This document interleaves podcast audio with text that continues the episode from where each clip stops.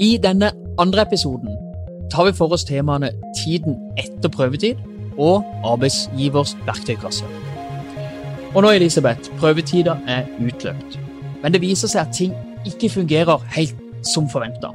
Hvordan bør arbeidsgiver da forholde seg? Generelt er det viktig at arbeidsgiver griper fatt i de problemene som oppstår. Eh, en vanlig feil mange arbeidsgivere gjør, er å vente med å ta tak i problemene, og når de har fått vokse seg store, så orker ikke arbeidsgiver mer og vil gjerne gå til oppsigelse. Og Det er ikke nødvendigvis så enkelt da. Men hvordan skal arbeidsgiver gripe fatt i problemene? Det er naturligvis ikke mulig å sette opp eller gi en konkret handlingsplan for riktig fremgangsmåte. Problemene kan være av så forskjellig art. Generelt kan det imidlertid påpekes noen ting, som at det vil være lurt å innkalle til en personalsamtale. Og husk at det må skrives referat fra samtalen, som arbeidstaker får anledning til å kommentere. Og blir en ikke enig om referat, så kan arbeidstakers kommentarer legges ved referatet. To andre stikkord som man kan merke seg, er forventningsavtale og evaluering. Det bør kommuniseres til arbeidstaker hvilke forventninger arbeidsgiver har. Og så kan det være lurt å avtale tid for evaluering. Har en formelt tatt opp ting med arbeidsgiver så vil det i neste omgang, dersom forholdene skulle utvikle seg i negativ retning, være enklere å gå til oppsigelse. Arbeidstaker har da fått en anledning til å forbedre seg. Arbeidstaker har også krav på tilbakemelding dersom arbeidsgivers forventninger ikke innfris, og en reaksjon fra arbeidsgiver skal ikke komme som en ubehagelig overraskelse på arbeidstaker. Selvfølgelig så må arbeidstakerens integritet og verdighet ivaretas gjennom hele prosessen når personalsaker skal håndteres. Det vil jeg understreke på sånn generell basis.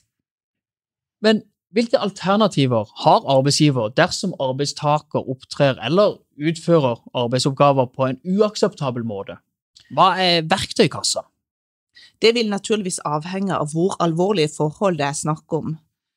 For de mindre alvorlige tilfellene så vil det kunne være tilstrekkelig at arbeidstaker innkalles til en personalsamtale hvor problemet tas opp. Og da, som jeg har påpekt tidligere, så bør det naturligvis skrives et referat fra samtalen som arbeidstaker får anledning til å kommentere. Dersom problemet vedvarer, så kan det også være aktuelt å trekke inn kompetanse til veiledning, eksempel. Og så snakkes det av og til om tilrettevisning. Og hva er det sammenlignet med en, en advarsel? Og tilrettevisning er en tydeliggjøring overfor den ansatte av hvordan arbeidsgiver forventer at arbeidet skal utføres. Fokuset er ikke på at det skal være en reaksjon overfor arbeidstaker. Tilrettevisning i motsetning til rettesettelse kan en kanskje litt, litt sånn upresist si. Og også tilrettevisning må gis skriftlig av hensyn til dokumentasjon. Og hva med advarsel, da, kan en spørre. Arbeidsmiljøloven har ikke regler om advarsler. Likevel er det på det rene at arbeidsgiver i mange tilfeller bør gi arbeidstakeren advarsel før det eventuelt gis oppsigelse.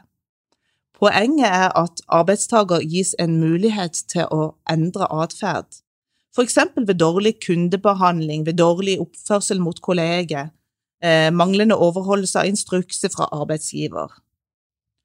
Og generelt, som for alle reaksjoner fra arbeidsgivers side, så kreves at advarselen må være saklig begrunnet. Kan man gi en muntlig advarsel? Ja, det gjelder ikke bestemte formkrav for en advarsel, med mindre enn da er offentlig arbeidsgiver og omfattes av forvaltningslovens regler. Men, og jeg understreker men, at en advarsel bør allikevel alltid gis skriftlig. For det første så reduserer det risikoen for misforståelse mellom arbeidsgiver og arbeidstaker, og for det andre så vil det være viktig som dokumentasjon for arbeidsgiver dersom saken utvikler seg i en negativ retning og en oppsigelse vil bli aktuell. Og hvordan bør en slik advarsel utformes?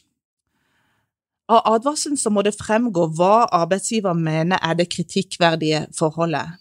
Det må også sies noe om hva som forventes fremover og så endelig så må det sies noe om følgende hvis arbeidstaker ikke forbedrer seg. Det bør vises til at nye forhold vil kunne medføre oppsigelse.